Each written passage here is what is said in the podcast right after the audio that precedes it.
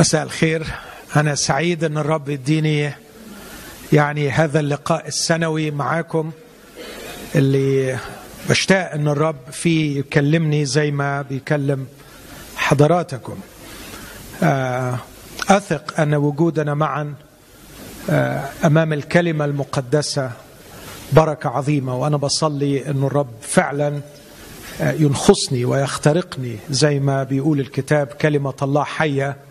وفعالة خارقة إلى مفرق النفس والروح والمفاصل والمخاخ ومميزة أفكار القلب ونياته. ده اللي برجوه فعلا من نعمة الله من أجل نفسي.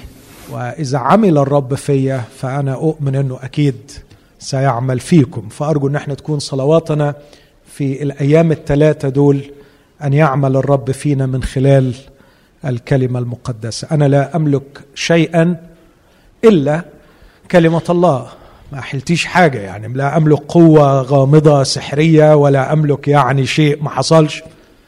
ما أملكش غير أن أنا أقدم كلمة الله على قد ما تعلمت منها.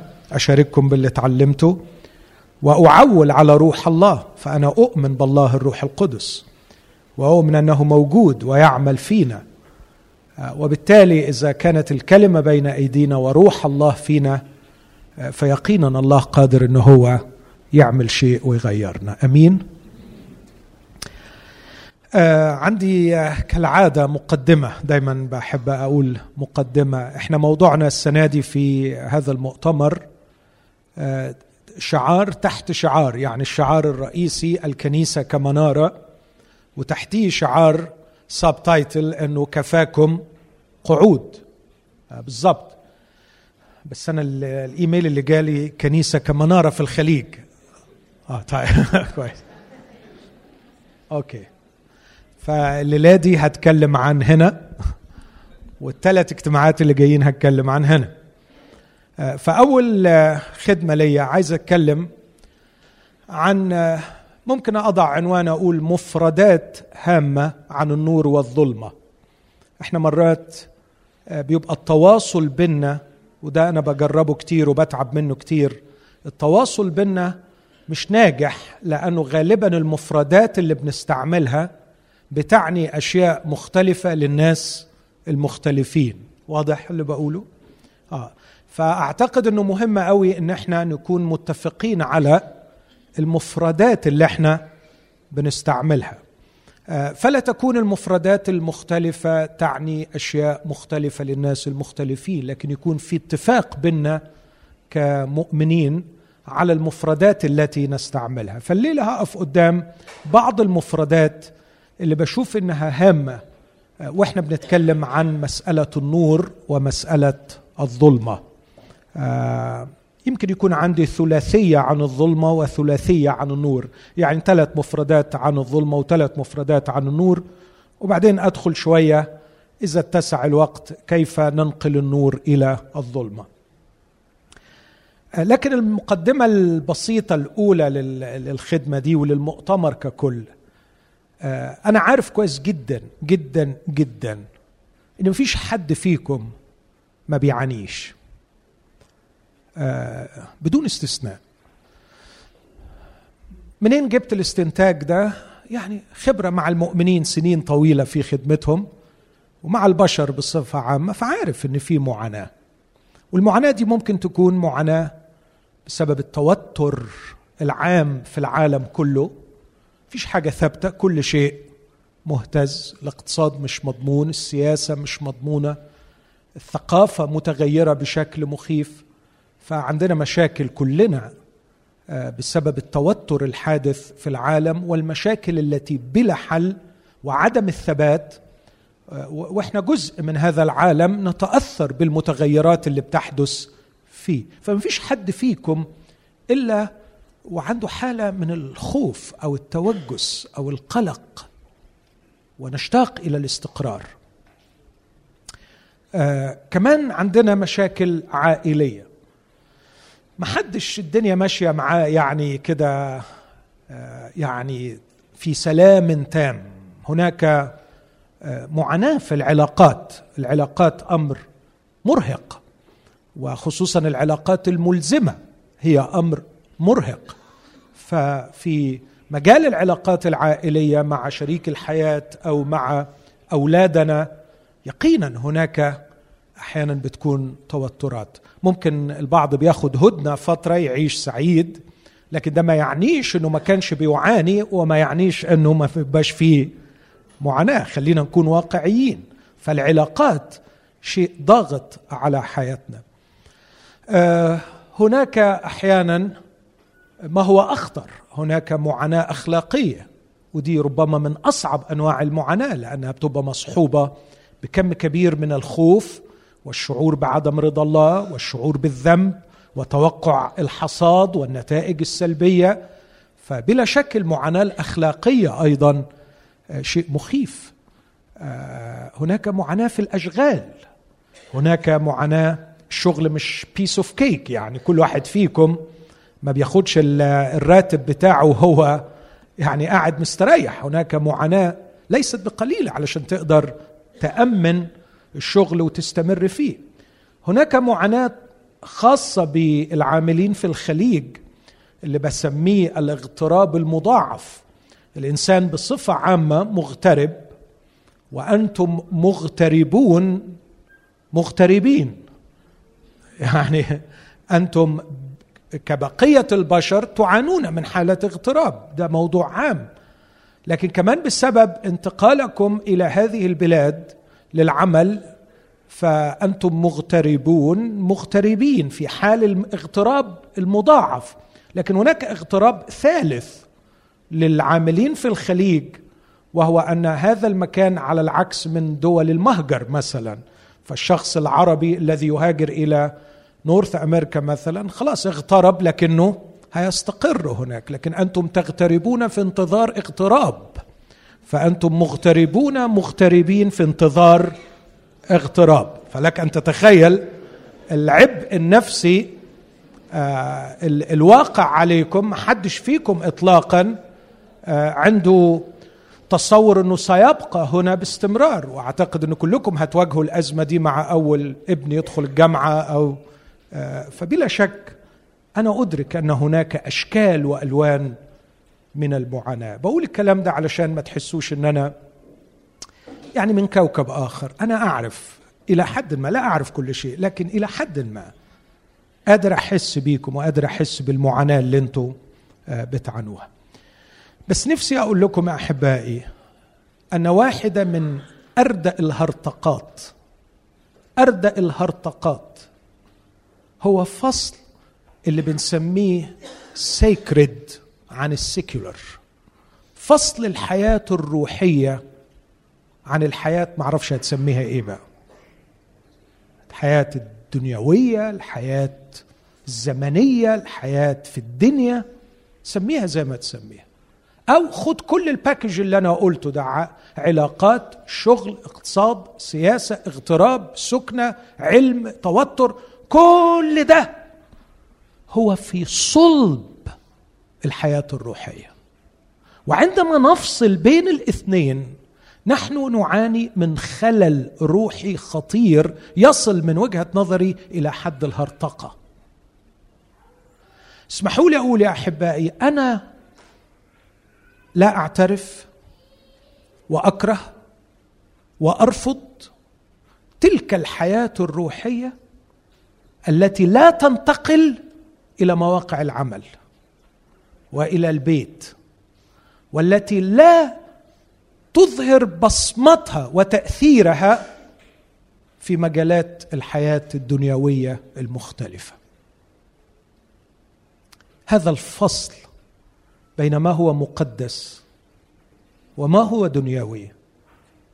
هي إحدى أقصى غايات إبليس. إبليس يريدنا وبشدة أن ننير أن ننير لكن يريدنا أن ننير في مناطقنا ونترك له مناطقه وهي العالم. ولا يشعر بالارتباك إلا عندما يخرج النور من تحت السرير ومن تحت المكيال وينتقل لمجال الحياة الدنيوية. أحبائي مرة تاني لا أريد ان أنا أطيل في النقطة دي. هناك خلل خطير. إن كان عندك فصل بين حياتك الروحية وحياتك اللي ممكن تسميها الدنيوية. إحنا عندنا مرض بنرثي لأصحابه. هو مرض الفصام. عندما يحدث تفسخ في داخل الشخصية الإنسانية لا ينبغي أن ينفصل الفكر مثلا عن السلوك. في الأسيس وائل راح فين؟ نستنجد بيه تاني؟ أنا أعتقد إنه الحياة الروحية التي لا تنتقل إلى مجال العمل والبيت وتصبح حياة واحدة حياة واحدة. هو نوع من الانفصام هو نوع من السكيزوفرينيا الروحية. ده مرض وخلل روحي خطير. الأمر الثاني اللي برضو أقدم به معرفش هتصدقوني ولا لا لكن أتمنى تصدقوني أن الحياة المسيحية حياة مشبعة. وإن كنت لا ترى كثيرين اختبروها فهذا لا يعني اطلاقا أنها غير حقيقية. هذا ذنبنا هذه خطيتنا. سامحنا اغفر لنا. إن كنت لم ترى مؤمنين يعيشون حياة مشبعة ومشبعة. لاحظ ما بقولش حياة مستريحة. ما بقولش حياة مرفهة لكن بقول حياة مشبعة. Satisfied. بعد سنين طويلة في عشرة مع الرب أقدر أقول كلام وأقبل أن أحاسب عليه أمام الله وأمام ضميري الروحي وضميري العلمي أيضا كطبيب نفسي. في المسيح توجد بناء على أسس علمية أكاديمية أكاديمية منطقية توجد حياة مشبعة. خليني أدي بس تبرير لهذا الزعم الضخم الذي أزعمه وهذا الادعاء القوي الذي أدعيه وبقول إنه بناء على أساس أكاديمي. أقوى أساتذة علم النفس وعلم الاجتماع اتفقوا على أن الحياة المشبعة satisfied life تحتاج إلى ثلاث أشياء. تحتاج إلى هوية واضحة. تحتاج إلى رسالة إرسالية واضحة. Clear identity clear mission. لكنها تحتاج أيضا ده اللي بيقولوه حتى غير المؤمنين. إلى إطار عقيدي وفلسفي معين يمكنك من تفسير وقائع الحياة المختلفة. عقلك مش هيقبل إنه يواجه ظروف الحياة من غير ما يكون عنده تفسير. وعقلك مش هيقبل تفسيرات متناقضة. العقل يتوق إلى منظومة عقيدية تنسجم مع نفسها وهي تفسر الضيق والوسع. الصحة والمرض الفقدان والربح. نحتاج إلى frame of faith إطار عقيدي معين. بغض النظر هو صح ولا غلط بغض النظر هو إلحادي ولا مسيحي. بس أنت محتاج software يمكنك من التفسير الواقع بحيث إنك مفردات حياتك تلمهم على بعض وتلاقي ليهم مكان. yes ده بيحصل معايا علشان كده وأنا هعمل كده علشان كده وده ماشي مع ده وده ماشي مع ده. لكي تعيش حياة مشبعة تحتاج إلى هوية واضحة إلى إرسالية واضحة إلى إطار عقيدي معين يمكنك من تفسير واقع الحياة. من وجهة نظري المختبرة والممتحنة لم أجد هذا إلا في شخص يسوع المسيح. في ارتباطي بيسوع المسيح عرفت معنى الهوية وعرفت معنى الإرسالية وعرفت معنى الإطار العقيدي المتسق مع ذاته الذي يمكنني من إجادة التعامل مع ضغوط الحياة المختلفة. اذا خلاصة هذه المقدمة في كلمتين إياك أن تفصل بين ما هو روحي وما هو دنيوي وإياك أن تتصور أن الحياة المسيحية ليس فيها سعادة. أو بلغة أدق علشان كلمة سعادة برضو بتفهم غلط. ما فيهاش إشباع. الحياة مع المسيح حياة مشبعة. قال عنها بولس كحزانه كحزانه ونحن دائما فرحون. كفقراء ونحن نغني كثيرين. كأن لا شيء لنا ونحن نملك كل شيء. هذه هي الحياة في المسيح. أمين. آه، وإحنا بنفكر في النقطتين دول. نحن هنا في هذا المؤتمر لكيما ننقل ما نتعلمه هنا إلى واقع دنيتنا في الخارج. ونحن هنا لكي نسعد ونعيش حياة سعيدة في الداخل والخارج أو حياة مشبعة في الداخل والخارج وإحنا بنفكر في هذا الإطار خلونا ننتقل بسرعة إلى آه، هذه المفردات اللي بشوف إنها مهمة لكي نحقق هذا الغرض أن تكون الكنيسة وهذا هو غرضها فعلا أن تكون الكنيسة منارة في الخليج. أبدأ ب آه، تعريف بسيط. هو كتابيا الكتاب اتكلم عن الكنيسة كمنارة أعتقد واضح في سفر الرؤيا أصحاح اثنين وثلاثة. يوحنا شاف أول رؤية بيشوفها رأى أن الرب يسوع يمشي وسط منائر سبعة سبع مناير.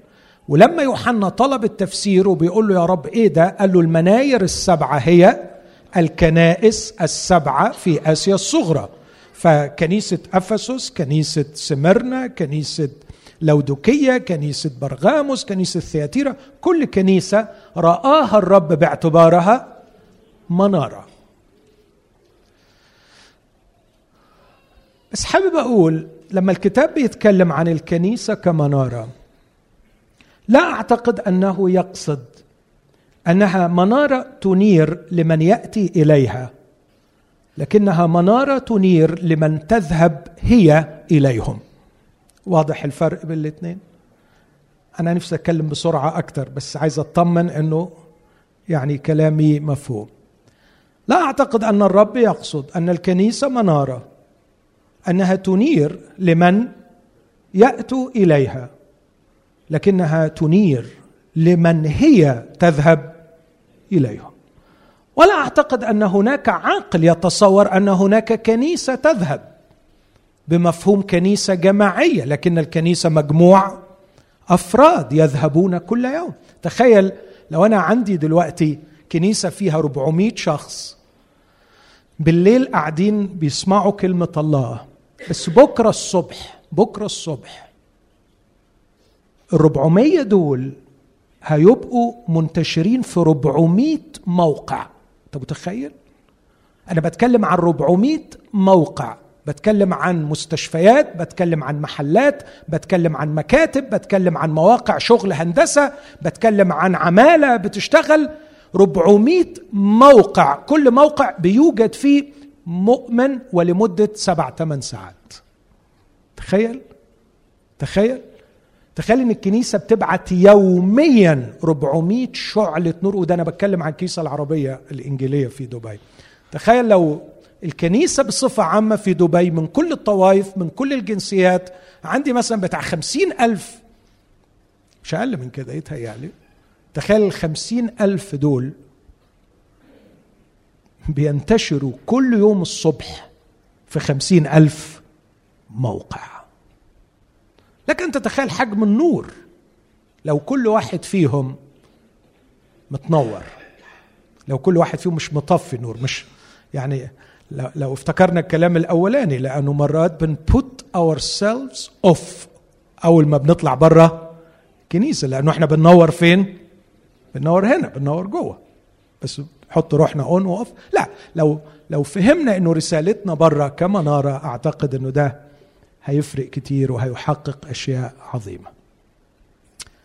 كفاية كده أحسن. عندكم live stream وممكن مراتي تكون بتسمعني وهي دايما بتعاتبني على المقدمات فأنا هكتفي بالمقدمات اللي قلتهم. ف هدخل بسرعة في ثلاثية الظلمة وبعدين أتكلم عن ثلاثية النور. بعض المفردات اللي أعتقد إنه مهم إن إحنا نقف قدام. الكتاب المقدس يا احبائي خصوصا في العهد الجديد. بيتكلم عن الظلمة بثلاث مفردات يمكن يكون في تاني لكن دول اللي حاضرين في ذهني واللي شايفهم مهمين. يتكلم عن تعبير اسمه سلطان الظلمة. وأنا أعتقد إنه مستحيل نفهم الكلام ده ومستحيل إن إحنا نتكلم عن الكنيسة كمنارة والنور من غير ما نكون عندنا إدراك جيد ووعي بحاجة اسمها سلطان الظلمة. عندنا تعبير تاني اسمه في الظلمة. وده تعبير مهم برضه وتكرر كتير. وعندنا تعبير ثالث ظلمة. ظلمة. هقف قدام الثلاث تعبيرات دول بسرعة. سلطان الظلمة في الظلمة ثم ظلمة.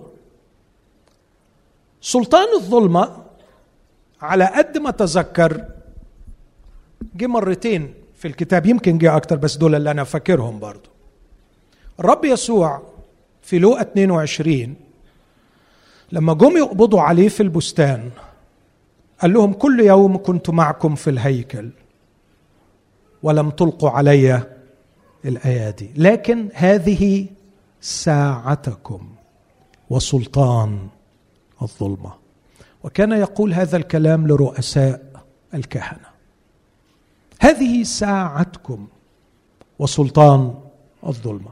رسول بولس في كلوسي واحد 13 يقول شاكرين الآب الذي أنقذنا من سلطان الظلمة ونقلنا إلى ملكوت ابن محبته. في حاجة اسمها سلطان الظلمة. ما معنى السلطان الظلمة؟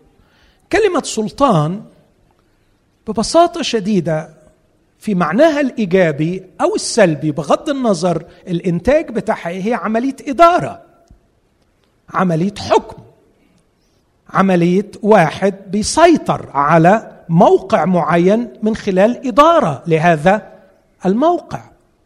كتاب اتكلم كتير عن سلطان بمعنى إدارة أو بمعنى قوة باور معينة.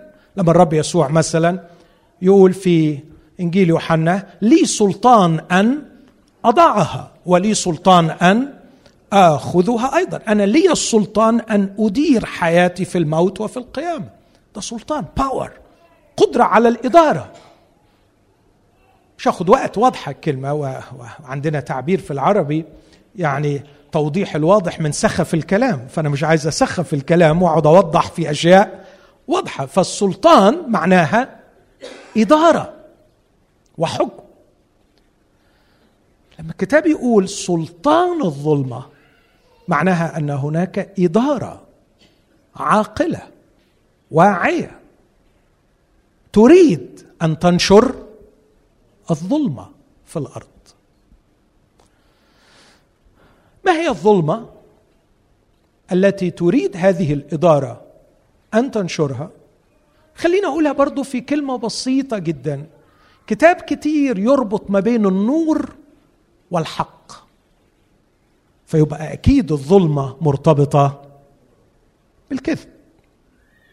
الظلمة مرتبطة بالكذب. خلينا أركز على دي. في أشياء تانية مرتبطة بالظلمة. البغضة. كتاب يحطها مقابل للمحبة ومقابل للنور. من يبغض أخاه فهو في الظلمة ما زال في الظلمة. حالات حالات العنف حالات الكذب. كتاب يقول إن سلكنا في النور كما هو في النور لنا شركة بعضنا مع بعض. لكن إن سلكنا في الظلمة نكذب ولسنا نعمل الحق. فهي حالة من الكذب وحالة من العنف والبغضة. نشر الكذب والبغضه في العالم مش بيجي عشوائي مش بيجي بدون إدارة وبدون سلطة تنظم نشر الكذب ونشر البغضه في العالم. هناك مبنى إداري ضخم جدا يتم فيه تخطيط على أعلى مستوى لنشر الكذب ولنشر البغضه ما أعرفش هنا يمكن تتفقوا معايا قد إيه لكن خلوني أكون أمين وصريح معاكم. إذا كنت بتصدق المسيح وبتحترم كلامه في الأناجيل فنفسي تكون دقيق وانت بتقرأ كلام المسيح في الأناجيل وهتكتشف اكتشاف غريب أن المسيح تكلم عن العالم غير المنظور أكثر مما تكلم عن العالم المنظور. إخوتي الأحباء ما تراه العين ليس هو كل الحقيقة. وكل حساباتنا هتبقى غلط إذا تجاهلنا بعدين البعد الأبدي والبعد غير المنظور. في كل شيء نفعله وفي كل شيء نفكر فيه علينا دائما أن نفكر لكي تكون لأعمالنا قيمة. نفكر في بعد أبدي وفي بعد غير منظور. العالم غير المنظور حقيقة. حقيقة. والأبدية أيضا حقيقة. ما تراه العين ليس هو كل شيء. وفترة الزمن ليست هي كل شيء. أينشتاين غير مفهوم العالم لفكرة الزمن غيره تماما. وغير حتى يعني نظرة الناس للجاذبية. بعد ما كان كل الناس بتتصور أن الأجسام لها قدرة على أن تجذب إليها أينشتاين قال ده كلام فاضي. الأجسام لا تملك قدرة. يعني بنتكلم عن الجاذبية الأرضية. ما فيش حاجة اسمها الأرض أرض ما بتجذبش حاجة. الأرض مش مغناطيس. لكن حط نظرية جبارة لما تخيل أن ما يسمى الفراغ والفضاء هو عبارة عن نسيج غير مرئي زي شبكة لو عايز تتخيلها وفي هذه الشبكة أو على هذه الشبكة تلقى الأجسام فلما بيترمي الجسم على الشبكة بيعمل إيه في الشبكة؟ بيوقعها مش كده؟ يغطسها لتحت شوية فأي حاجة تقرب من فوقيها على الحافة تعمل إيه؟ تعمل إيه؟ تنجذب لأسفل وكل ما كان الجسم ده تقيل وعمال يغوص كل ما الجاذبية تكون أقوى. وراح واصل وقال وهناك ثقوب في هذا النسيج. وهذا النسيج مرتبط بالزمن وعنده تصور معظم تنبؤاته على فكرة تمت الراجل ده عنده تصور أنه من الممكن أن الناس يعودوا في الزمن. أو يبحروا إلى الزمن فهو يعرف أن الزمن الحاضر الحالي ليس هو كل الحقيقة اللي الناس شايفاها وعارفاها. الكتاب المقدس بيقول في eternity وكلمة eternity تقدر تترجمها أزل وتقدر تترجمها أبد. أوعى تتخدع وتنحصر فيما هو وقتي. هناك بعد أبدي. لكن كمان هناك بعد غير منظور. أعتقد أعتقد أنه يعني الثورة الفكرية والعلمية في العالم بدأت بعد أن تحرر الإنسان من هذا التخلف لما كان متصور أنه هو مركز الكون. هو الكائن المركزي طلعت الدنيا غير كده خالص والدنيا أوسع من كده كتير وطلع إنه من الممكن أن يكون هناك عوالم أخرى. والكتاب بيقول لنا إن في عالم آخر مليان بملائكة ومليان بأرواح. وفي الله نفسه. في شياطين في أرواح شريرة أرواح عاقلة. اقرأ الأناجيل الأربعة بهذا الفكر وقول لي هتواجه في كلام المسيح العالم المنظور أكتر ولا العالم غير المنظور؟ اعمل ورايا البحث ده من فضلك. هتكتشف أن الرب يسوع تقريبا في كل جملة بيشير إلى العالم غير المنظور. وهتكتشف إن إحنا غلابة قوي وأن ما يجري على الأرض في أروقة السياسة وفي أروقة الجامعات أحيانا وفي أروقة الفن وفي أروقة الدين. إنما هو تأثيرات لعالم غير منظور. يدار بقدرات جبارة من الناحية الفكرية وعلى رأس هذا النظام شخص اسمه سلطان الظلمة.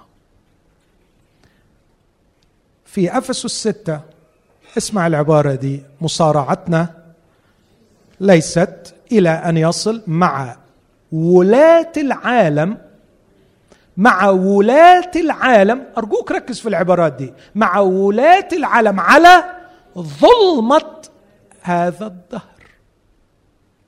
توجد ظلمة باختصار بتبسيط يكاد يكون مخل لكن اقبلوه مني لل...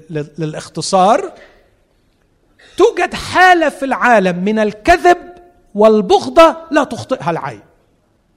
وعلى فكرة وعلى فكرة كل العالم مقتنع مية المية إنه ما فيش تقدم وما فيش سلام بدون الحب وبدون الحق. صح ولا مش صح؟ هل في أي مؤسسة بتقول يا جماعة يلا بينا ننشر الكذب والبغضة؟ اطلاقا. بس العالم لا يرى الحق ولا يعرف الحب. ويعيش في حالة مخيفة من الأكاذيب ومن البغضة بينما الكل يرفض البغضه والكذب. هذا التناقض الحاد بين الواقع الذي يعيشه البشر وبين ما ينشدونه ويحلمون به يؤكد وجود قوة غير منظورة تشرف على نشر الظلمه في العالم البغضة والكذب. ولاة العالم على ظلمة هذا الدهر. أكثر شيء مخيف بقابله في العقل الإنساني وفي القلب الإنساني كم الأكاذيب كم الخداع وكم البغضة. القلب أخدع من كل شيء وهو نجيس. أحد مفكرين كتب ملاحظة وهو رجل مش كاتب مسيحي. قال يا أخي أنا أتعجب. لا يوجد شر أخلاقي واحد ظهر في كل التاريخ الحديث إلا وتجد أستاذ جامعي يبرره. لم يحرم أي نوع من الشرور من وجود تفسير وتبرير علمي له. هل إبليس له ذراع في الجامعات؟ نعم. هل إبليس له ذراع في الفن؟ ما رأيكم في الفن؟ فن هو واحد من أعظم نعم الله على الإنسان. أول فنان وأعظم فنان هو الله نفسه. اتفرج كده على الديزاين اتفرج على الألوان في الكون اتفرج على الأصوات اتفرج على الجمال والإبداع اتفرج على الأشكال المختلفة في الذرة أو في حركة النجوم والأفلاك أو في النبات والزهور والطيور. هذا الفن اقتنصوا إبليس وجعله مادة للتدمير والشر. يفسد ويدمر. مش عايز اضيع وقت. في أذكر قصص من خلال العيادة النفسية ومن خلال الواقع ومن خلال اللي بنقراه. قد إيه من خلال الميوزك؟ قد إيه من خلال الأغاني؟ قد إيه من خلال الأفلام؟ بيستطيع إبليس أن يقتنس ويدمر ويحطم. مع انها أشياء في ذاتها عظيمة إذا استعملت استعمال صحيح. هل له في السياسة؟ هل إبليس بيتدخل في السياسة؟ لا بعد الشر. يا اديني بلد واحدة على مستوى العالم. قادرة تقول النظام السياسي بتاعنا نظيف ومضمون مية المية. طبعا طبعا طبعا. خليني أعرف أروح. طبعا.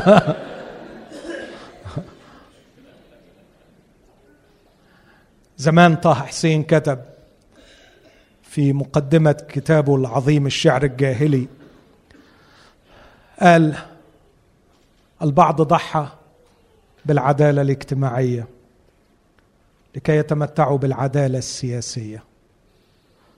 والبعض ضحى بالعدالة السياسية لكي يتمتعوا بالعدالة الاجتماعية. والذين ضحوا بالعدالة الاجتماعية لم يحققوا العدالة السياسية. والذين ضحوا بالعدالة السياسية لم يحققوا العدالة الاجتماعية. ولم يزل العالم ده كلامه لم يزل العالم ينتظر نظاما آخر يريح البشر. فين النظام السياسي أو الاقتصادي؟ أوه دبي في القمة اقتصاديا. أتحدى أن تجد شخص واحد مطمئن للاقتصاد في هذا البلد. في نجاح بس ما فيش طمأنينة لأنه كله هش. كله هش. هل إبليس له دور في السياسة وفي الاقتصاد؟ كتاب في سفر دانيال يتكلم عن رؤساء من العالم غير المنظور للسياسة. رئيس فارس رئيس اليونان. والكتاب في سفر الرؤيا يتكلم عن نظام اقتصادي مرعب يشرف عليه إبليس شخصيا حتى إنه لا أحد سيستطيع أن يشتري أو يبيع إلا من له السمه سمة الوحش. هل استطاع إبليس أن يدمر النظام الاجتماعي مبتدئا من تدمير العيلة. بحكي كتير الحكاية دي في إيطاليا سنة 2006 كنت في مؤتمر كان على الجانب المقابل مكان من معبد من معابد الشيطان وكانوا كاتبين شعارهم للسنة الجديدة no Dio no familia غرضهم وشعارهم لا إله ولا عيلة يعني نشر الإلحاد وتدمير العيلة. أنا لا أعتقد إني مدعي. أنا أتفق مع كل اللي بيفكروا فإن هناك شيء غلط في الدنيا. very simple في حاجة غلط في الدنيا. الدنيا مش ماشية صح. تفسير المسيحي هناك قوة غير منظورة تخطط بدقة. لجعل هذا العالم في حالة من التعاسة والشقاء. الكتاب المقدس بلغة المسيح الحق. الرب يسوع الذي قال أنا هو الطريق والحق. يسوع الحق الذي يكشف حقيقة كل شيء قال أنه يوجد رئيس لهذا العالم اسمه رئيس سلطان الظلمة. هو سلطان الظلمة. أختم كلامي عن سلطان الظلمة بشيء غريب شوية. نقطة قوة هذا النظام تكمن في شيء لا يخطر على بال. جعلته يستمر آلاف الأجيال. أنه لم ينقسم قط. كل السنين دي آلاف السنين لم يحدث انقسام واحد. في مملكة الظلم. تخيلوا؟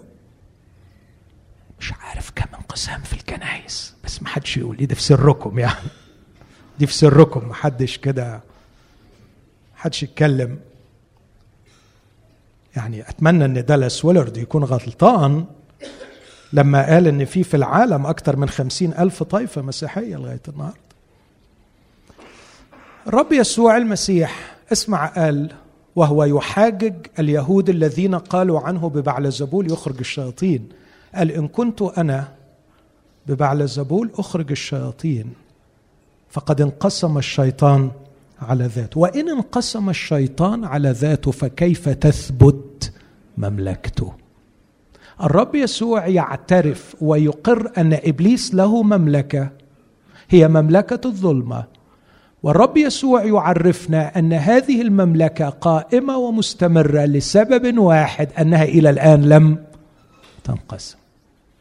شيء مخيف أن المملكة التي غايتها الأولى والأخيرة نشر الانقسام هي ذاتها في غاية الاتحاد والقوة.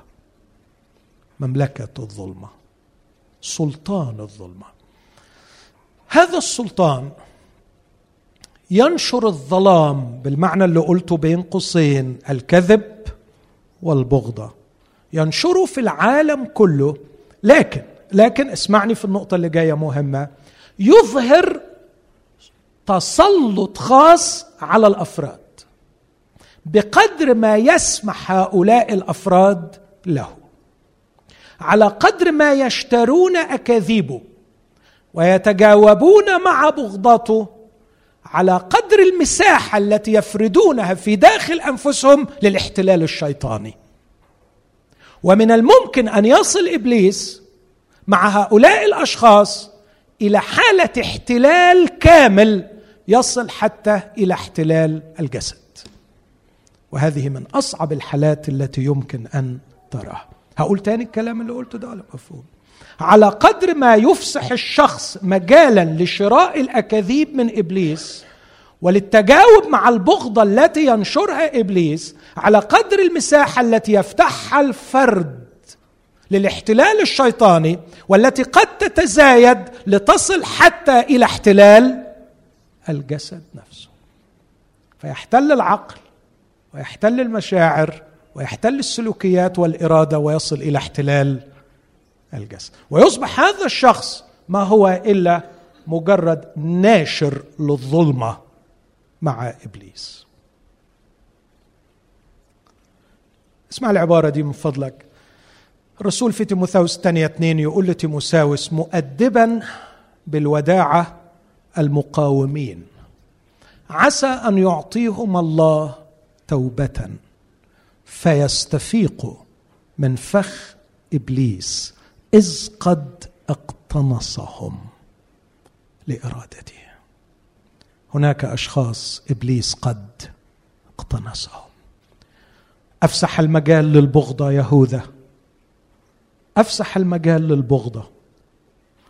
فخان الحبيب والصديق من أجل المال. اسمع الكلمة دي من فضلك. فبعد اللقمة دخله الشيطان. قبليها يقول الكتاب وكان الشيطان قد ألقى في قلب يهوذا سمعان الإسخريوطي أن يسلم يسوع. ألقى في قلبه الفكرة وأفسح لها المجال. لكن بعد ما أخذ اللقمة من يسوع وأص... يعني شاف أروع علامة حب وأصر على البغضه اللي موجودة في قلبه الكتاب مش بيقول إن إبليس ألقى في قلبه لكن عمل إيه؟ دخله الشيطان. وعندما دخله الشيطان اقتنصه ومارس إبليس بعد هذا هوايته في القتل فجعل يهوذا يسلم يسوع للقتل وبعد أن استفاد من يهوذا عمل في يهوذا قتل يهوذا يستمتع بممارسة العنف والبغضه والقتل. وعندما كذب حنانيا وسفيرة هل تذكروا أحباء الرسول بطرس؟ قال لهم إيه؟ لماذا ملأ الشيطان قلبك لكي تكذب على الروح القدس؟ أنت لم تكذب على إنسان بل كذبت على الله. حيث يوجد الكذب وحيث توجد الخيانة والبغضه والعنف هناك سلطان الظلمة. وهو منتشر بشكل عام في كل العالم. تردد اصداؤه غرف السياسة والاقتصاد ومجلس الشعب. و و و وكل المؤسسات هناك اختراق وامتلاك لكن هناك في حياة الأفراد تملك خاص من سلطان الظلمة. ما أعرفش الخبر ده يزعجكم ولا يفرحكم. أنتم تتعاملون يوميا مع وحدات ممتلكة من سلطان الظلمة. وعليكم أن تواجهوا هذه الحقيقة. بالحب وبالحق. بالحب وبالحق. وهناك من يهرب من المواجهة وهناك من يثبت لكي يكون مع الكنيسة عمود الحق وقاعدته. وينشر الحق وينشر الحب فصراعنا مع ولاة العالم على ظلمة هذا الدهر. التعبير الثاني في الظلمة في الظلمة وده بيوصف ناس عايشة يسود عليها هذا الواقع بيعيشوا في حالة من الظلمة. مثلا في إنجيل متى أصحاح أربعة وعدد 16 على ما أذكر. الكتاب يقول إن الرب يسوع انتقل وجاء وسكن في الجليل. وبعدين يقول لكي يتم ما قيل بالنبي القائل. الشعب الجالس في الظلمة أبصر نورا عظيما. الشعب الجالس في الظلمة. في إنجيل يوحنا اصحاح 8 الرب يسوع يقول أنا هو نور العالم. من يتبعني؟ فلا يمشي في الظلمة. في الظلمة. يوحنا 12 الرب يسوع يعد ويقول إنه من يتبعني لا يمكث في الظلمة. له نور الحياة. لا يمكث في الظلمة. واعتقد إن أكثر شيء يميز الناس العائشين في الظلمة هو اللي وصفه الرسول يوحنا في رسالته الأولى وعلى ما أذكر الأصحاح الثاني يقول إن من يبغض أخاه فهو في الظلمة. ولا يعلم إلى أين يمضي لأن الظلمة أعمت عينيه. أعتقد إنه حالة في الظلمة أقدر ألخصها وأقول هي حالة فقدان الهدف الذي من أجله يعيش الإنسان. فقدان الهدف.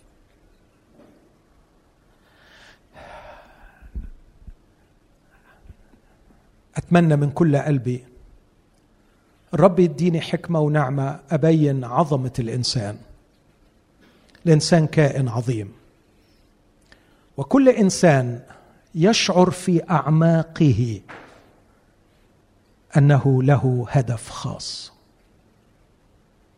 أكثر شيء أكثر شيء بقدر اقاوح به مع اصدقاء الملحدين هو هذه الفكرة.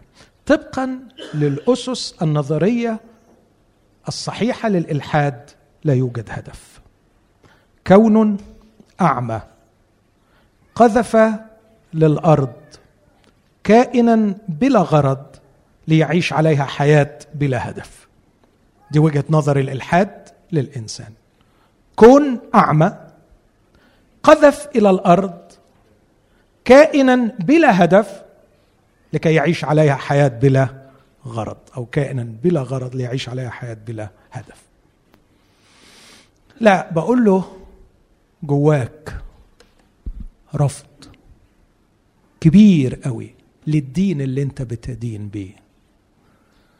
عقلك بيقول لك زمن ومادة وصدفة بس عشوائية.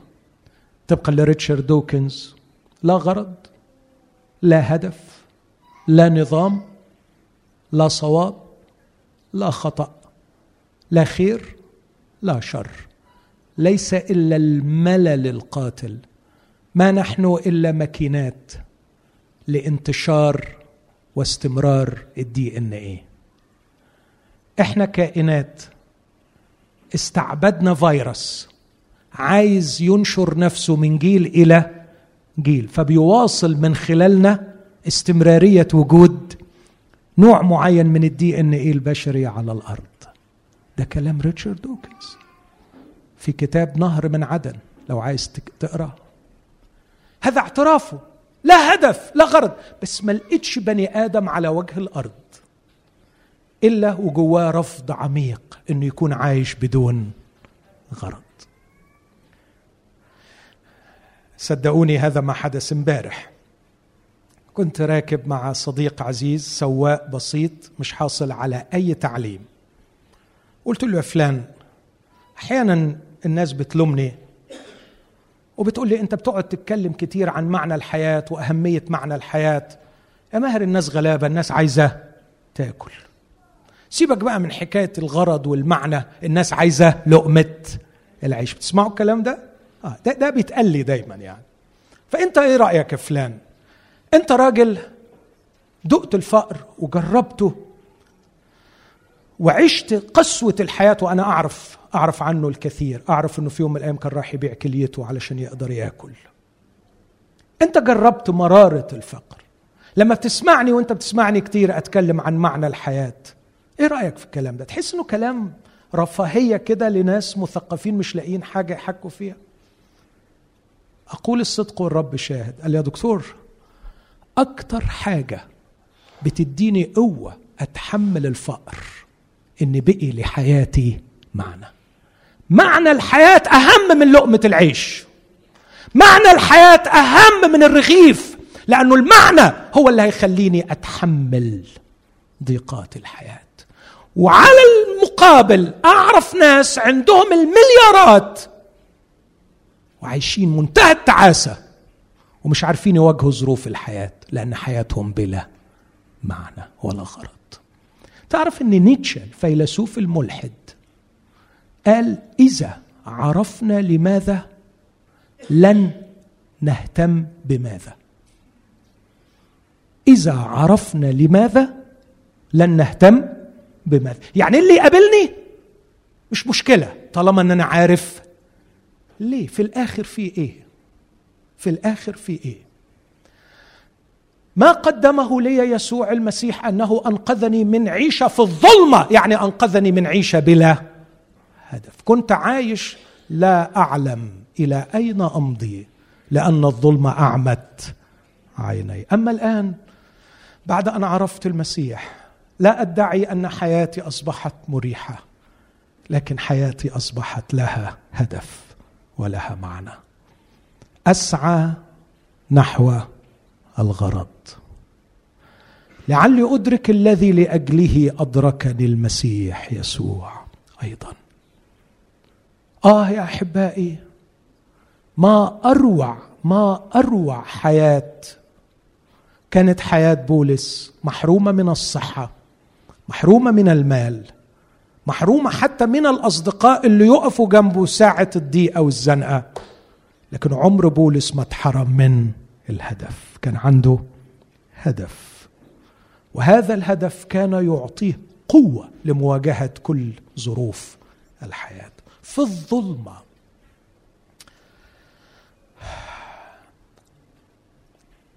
كلوسي واحد يقول شاكرين الآب الذي أهلنا لشركة ميراث القديسين في النور الذي أنقذنا من سلطان الظلمة ونقلنا إلى ملكوت ابن محبته. لكن كمان يقول عنه في بطرس الأولى اثنين تخبروا بفضائل الذي دعاكم من الظلمة إلى نوره العجيب. لغاية دلوقتي أقدر أقول أني خلصت من شيئين. الشيء الأول أنا كنت بتصرف تصرفات أنا مش راضي عنها. وكنت عايش حياة مش لاقي ليها تفسير. وكنت أشعر أن هناك قوة أكبر مني تتحكم مني. وكنت أعيش في عالم أرى أن العالم يمضي إلى الهلاك وهو يدعي غير هذا. هذا أكد لي أن هناك قوة شريرة اسمها سلطان الظلمة. اليوم أشعر إني حر من هذه السلطة. اختبرت كلام المسيح إن حرركم الإبن فبالحقيقة تكونون أحرارا. تحررت من سلطان الظلم. أشكر الله. نعمة غنية. نعمة غنية أن الله أنقذني من سلطان الظلم. وبالمناسبة دي بين قوسين. عندما تنقذ من سلطان الظلمه هناك حماية خاصة ليك ولعيلتك مضمونة بكلمة الله. مش لأنه الشخص الثاني حتى لو مازال بعيد عن الله مش لأنه عمل علاقة مع الله هو بعيد عن الله لكن بسبب ارتباطه بمن تحرر بيتمتع بنوع من الحماية الخاصة. الكتاب بيؤكد ده في أكثر من موضع بس مش موضوعي دلوقتي لكن هناك إنقاذ من سلطان الظلم. لكن أيضا هناك إنقاذ من العيشة في الظلمة. أبصرت نور لأن فيه كانت الحياة والحياة كانت نور الناس فالنور الذي فيه هداني إلى المعنى وإلى الغرض الذي أعيش لأجله. لكن يبقى الكلمة الثالثة ودي أخطرهم. أفسس خمسة يقول كنتم قبلا ظلمة. واخدين بالكم من الخطورة هنا؟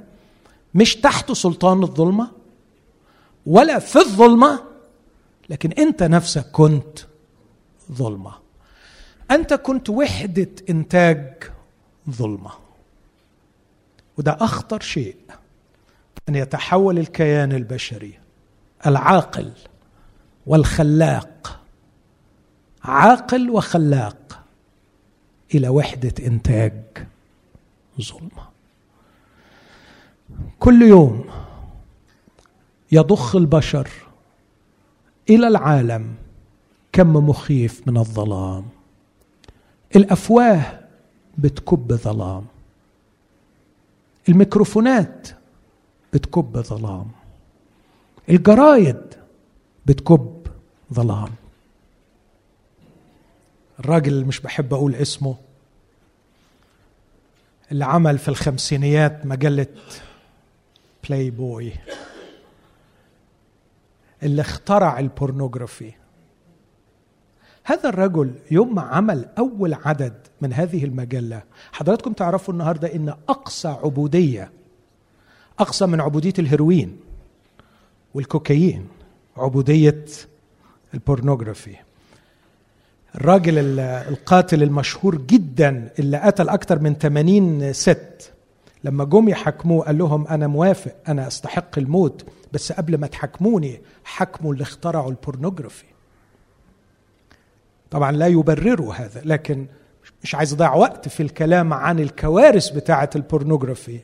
الراجل ده الشرير قال إني اخترعت هذا الاختراع لكي أحرر البشرية من التابوهات الجنسية التي حبسهم فيها رجال الدين. والكل سقف له. هذا واحد من رجال التحرير المباركين اللي بينادي للعالم بالحرية من التابوهات. كذب كذب نحن نواجه كل يوم. إن كان الكذب يعني يوزن ملايين الأطنان من الأكاذيب. حدش فيكم كده بيسمع كل يوم كلام معين كذا مرة في اليوم وتلاقي روحك بتحتد فيك وتقول له يا رب لغاية إمتى؟ لغاية إمتى يفضل الكذب؟ كذب كذب كذب كذب. لغاية إمتى الشهادة الزور؟ لغاية إمتى النصب على الناس؟ لغاية إمتى؟ لغاية إمتى؟ كذب وبغضة كذب وبغضة كذب وبغضة. ووحدات إنتاج الكذب والبغضة هم بشر. للأسف مش بس بقيوا تحت سلطان الظلمة وعايشين في الظلمة لكن هم كمان بقيوا ظلمة. ودي محتاجة معجزة إلهية. كنتم قبلا ظلمة. أما الآن فنور فر. طولت قوي في النقطة دي بس هقول في عجالة سريعة. ثلاث كلمات تانيين. في اشراقه وفي استنارة وفي إنارة. ودول ثلاث مفردات مختلفين في العهد الجديد. هقول الآيات بتاعتهم وعلق عليهم تعليق سريع وبعدين بيبو يجي بقى يخلينا نشكر الرب ونفرح ونسجد الإشراقة كورنثوس الثانية أصحاح أربعة. اسمع الآية. الله الذي قال أن يشرق نور من ظلمة. عمل إيه؟ أشرق في قلوبنا لإنارة معرفة مجد الله في وجه يسوع المسيح. مهمة أوي العبارة دي إن إحنا نفهمها صح. الإشراقة ليست ليا لكن الإشراقة فيا. على فكرة بولس ما كانش بيتكلم هنا عن النور اللي أبهى من لمعان الشمس اللي أبرق بغتة حوله وهو في طريقه إلى وهو في طريقه إلى دمشق. لا ما بيتكلمش عن ده.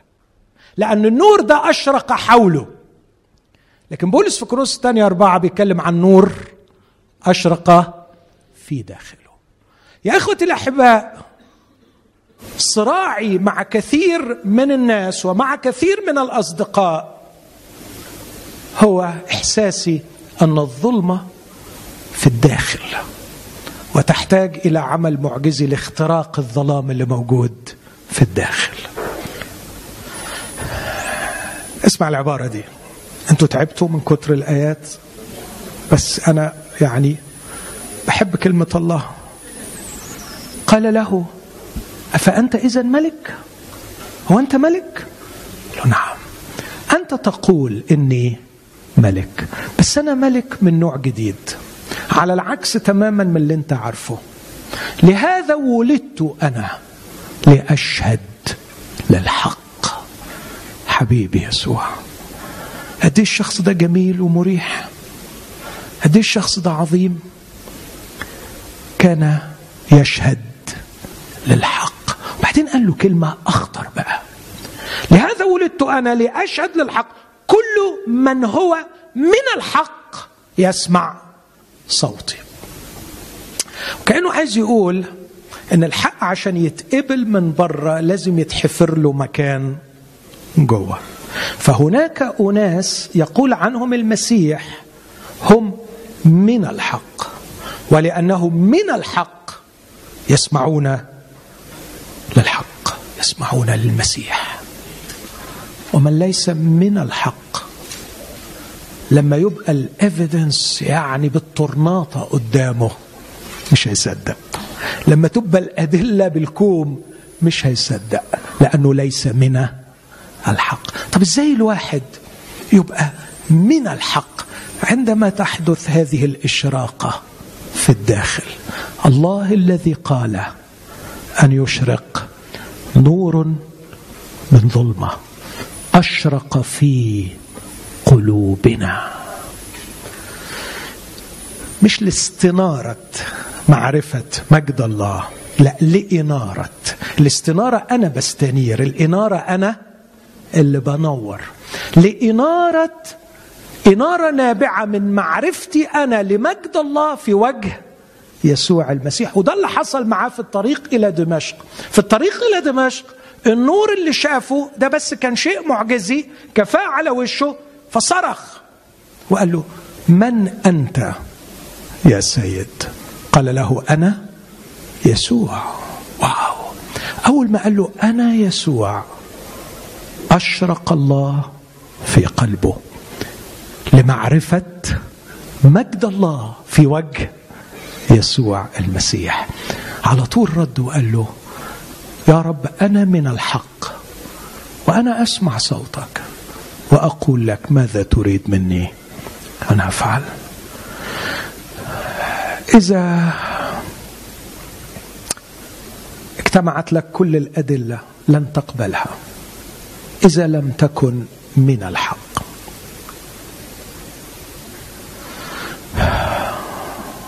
كتبت من فترة بسيطة العبارة دي بسبب صديق عزيز يتعرض لظلم شديد. هو غير مسيحي لكنه بيقول كلام الراجل بيجتهد ويفكر. فقلت هؤلاء النبلاء الذين ينفقون حياتهم في البحث عن الأدلة التي تدحض الكذب. يبنون تعبهم على فرضية خاطئة أن الناس تريد الحق.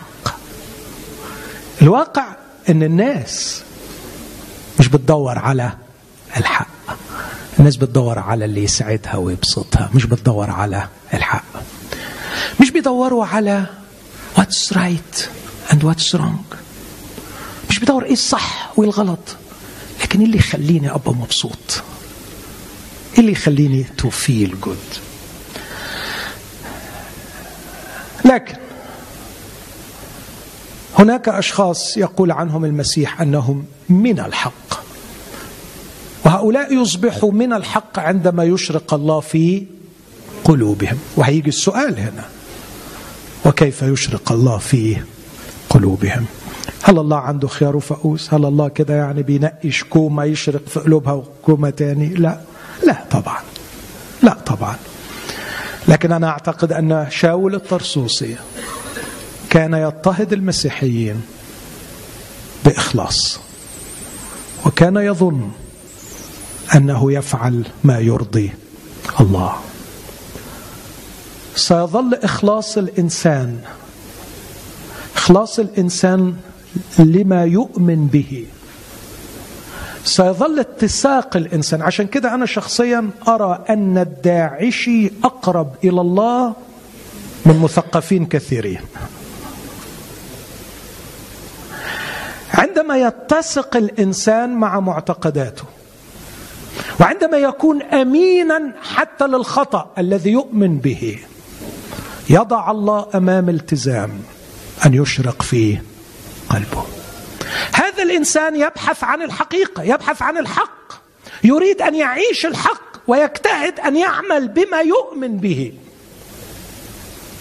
حاشا لله أنه يتركه. لكن يظل الله يلاحق هذا الإنسان. يقول الرب يسوع المسيح في إنجيل يوحنا اصح ستة هذه العبارات كل من سمع من الآب وتعلم إلي يقبل وكل من يقبل إلي لا أخرجه خارجا. وهذا يجعلني أفهم أن الآب يتكلم مع كل إنسان. قد تكون أصوات الكذب عبارة عن صور عالي بين عقل الإنسان وبين كلام الآب للإنسان.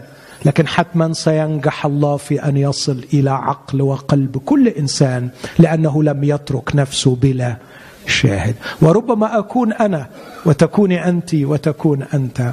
هو صوت الله الذي ينطق بالحق ليعلو صوت الحق عند هذا الإنسان. هذه هي الاشراقه الإلهية. ودي تيجي في الداخل. لكن بعد الاشراقه الإلهية هناك الاستنارة. والاستنارة الاشراقه مرة لكن الاستنارة عملية متكررة ومستمرة. أفسس واحد الرسول يقول أنا بصلي مستنير عيون أذهانكم لتعلموا.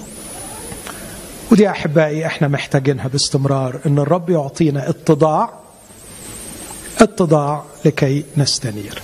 إذا قلت كيف تأتي الإشراقة أقول تأتي بالإخلاص. إذا قلت كيف تأتي الاستنارة تأتي بالاتضاع كلما تواضعنا أكثر كلما استنرنا أكثر.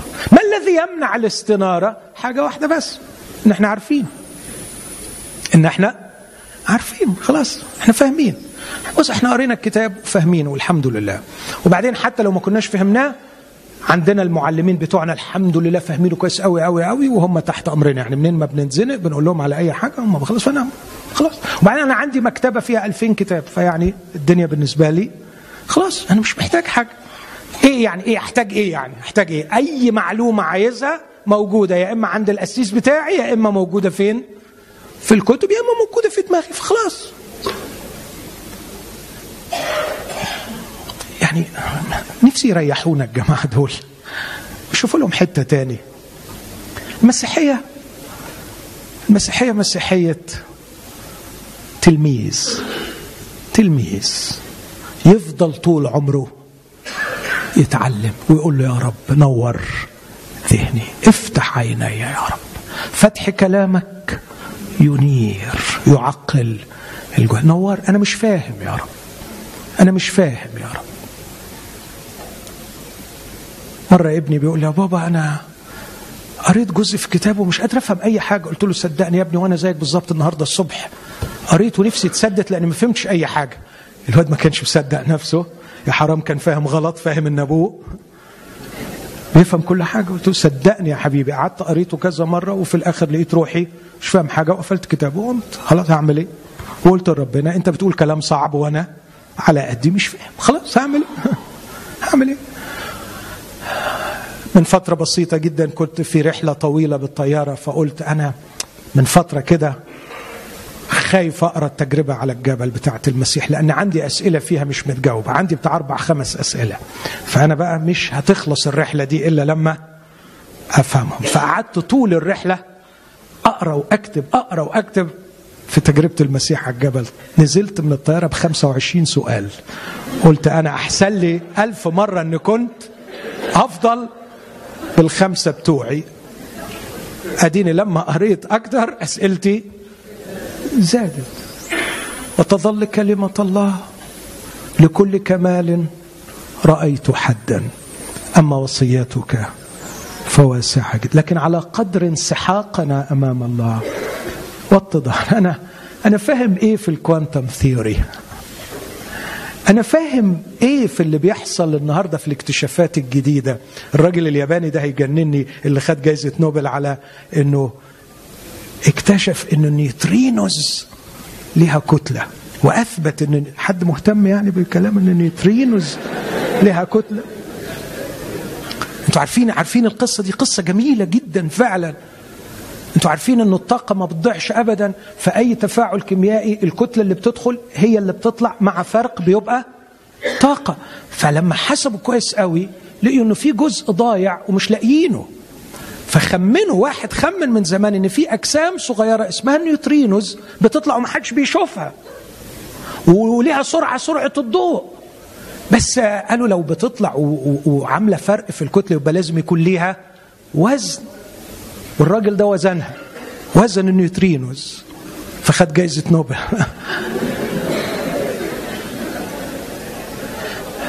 ولا واحد تاني مؤخرا قال إنه حجم مكعب السكر من مادة الثقب الأسود تزن قارة آسيا. ودي مثبتة فعلا. يعني تاخد يعني البتاع ده الخشب ده. عبارة عن فراغ كله كله فراغ. لأنه ذرات والذرات معظمها فراغ. تخيلوا جبنا جهاز كبس المادة دي كلها على بعضيها. قال لك يبقى حجم مكعب السكر يزن بالضبط وزن قارة آسيا.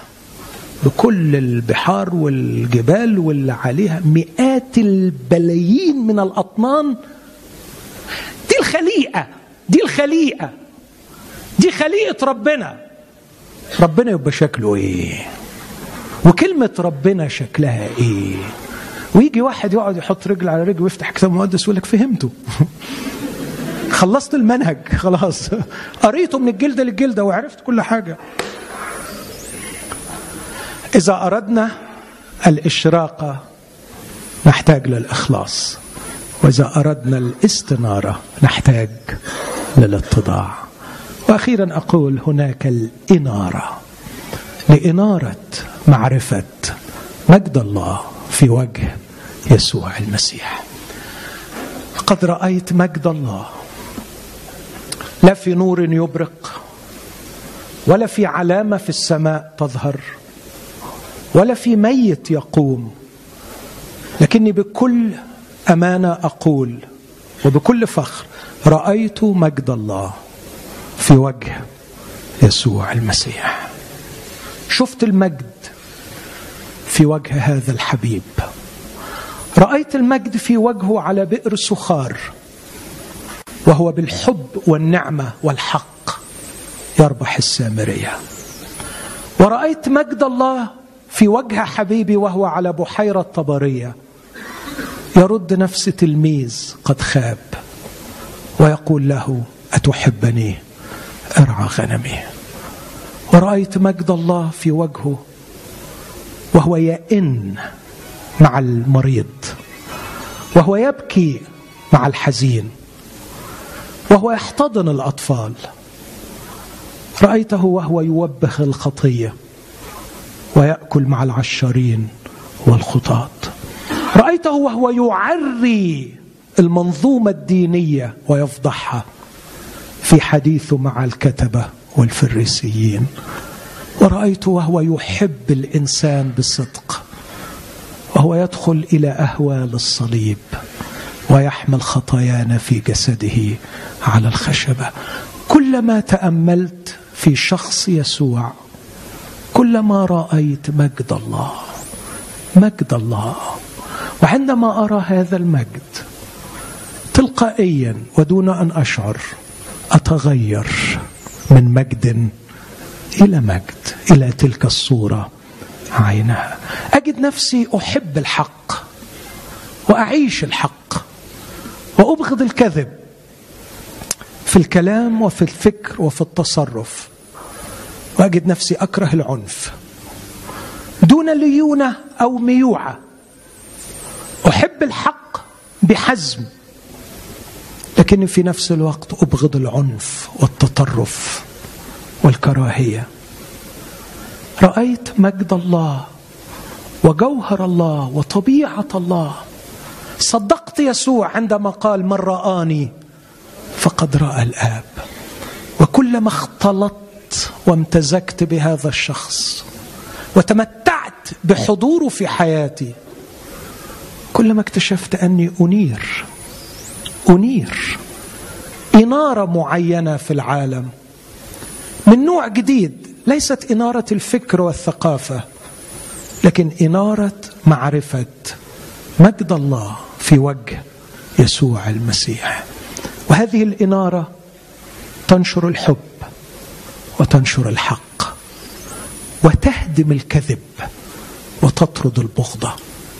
هذه الإنارة تجعلني أكمل رسالة سيدي وأسير مع بولس وأقول هادمين حصونا هادمين ظنونا وكل علو يرتفع ضد معرفة الله ومستأسرين كل فكر إلى طاعة المسيح ومستعدين أن ننتقم على كل عصيان متى كملت طاعتكم دون بغضة لأحد.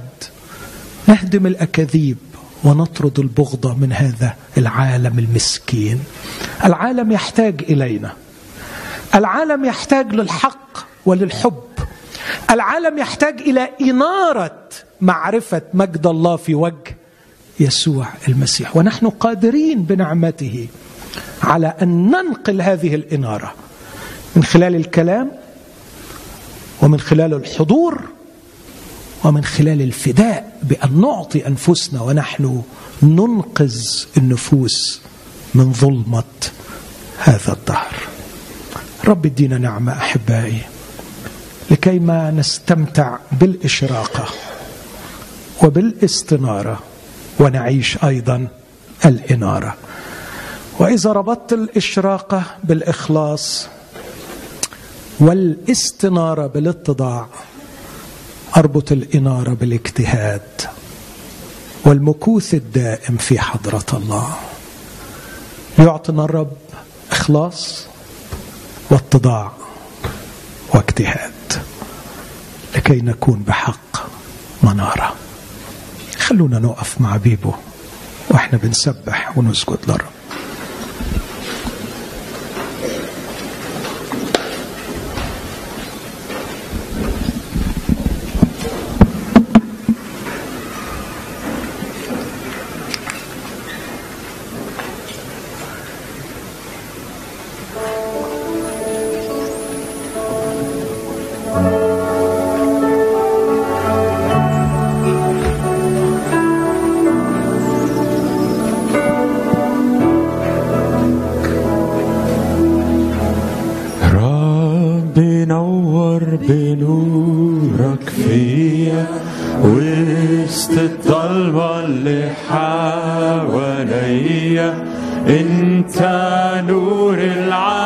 لم فدية. حبك خلصني من الخطية. نور فيا. نور فيا.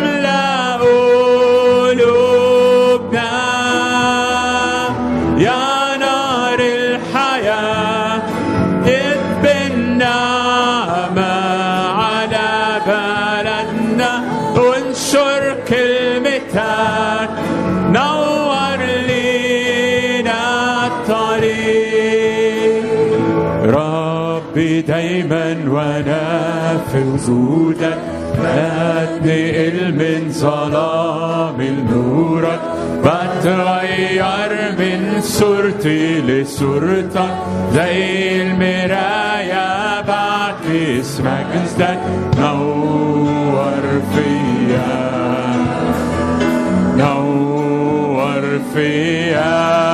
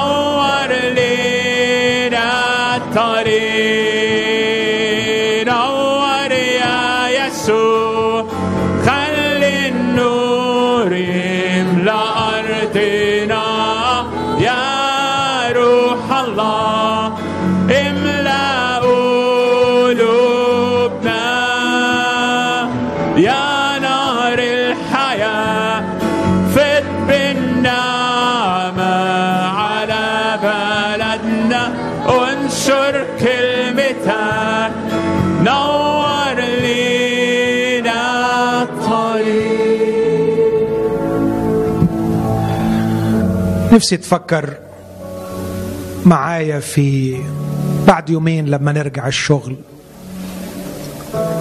يمكن من السبت ولا الأحد هنرجع لأشغالنا فكر في البناية اللي انت ساكن فيها. فكر معايا إزاي ننشر النور. الله تكلم لكن الله أيضا حضر. النور لا يصل بالكلام فقط لكن بالحضور. كان النور الحقيقي الذي ينير كل إنسان اتيا إلى العالم. النور ينبغي أن يأتي إلى مكان الظلام. لتكن كلماتك نور ابتسامتك نور عملك نور. غضبك نور عطائك نور. قل له يا رب علمني أني إما أني أنشر النور أو أن يستغلني إبليس وأنشر الظلام. حاشا يا رب إني أخونك واسيب لساني ينطق بكذب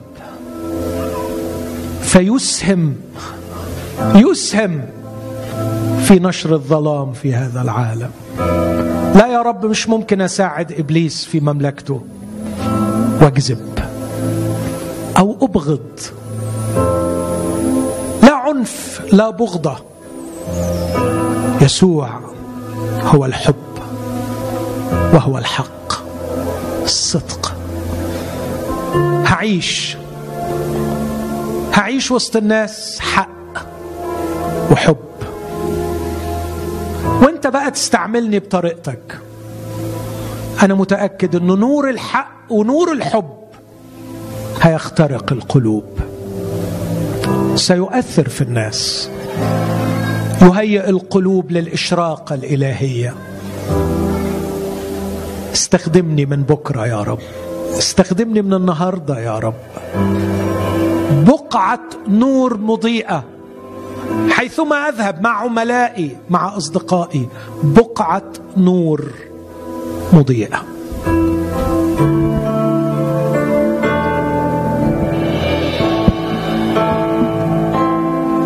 غير شكل أوانينا بحياتنا نكون إنجيل.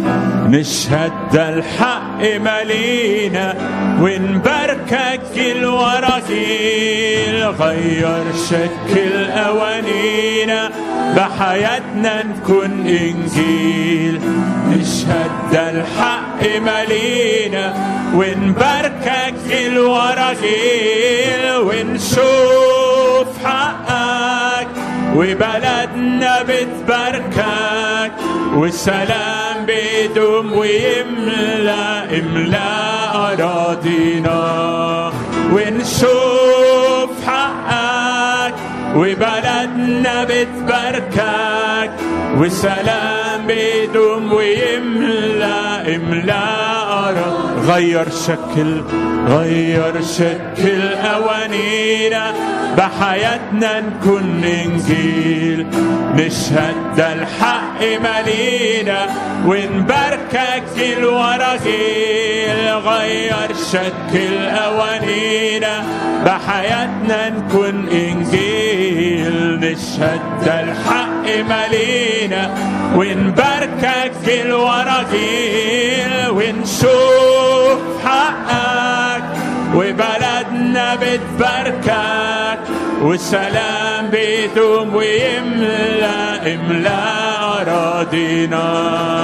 ونشوف حقك وبلدنا بتباركك والسلام بيدوم ويملأ املأ أراضينا. املأ أراضينا بنورك. بدت كنوز فانيه وبلدنا تكون بوعودك محمية متباركة إملا أراضينا بنورك بدت كنوز فانية وبلدنا تكون بوعودك محمية متباركة. ما ذبحنا هتعليك وبلدنا تكون نور ليك. أفرح تأمرنا وبهجة وقلوبنا تغني لك. ما ذبحنا تعليك؟ وبلدنا تكون نور ليك. أفرح تأمرنا وبهجة وقلوبنا تغني لك.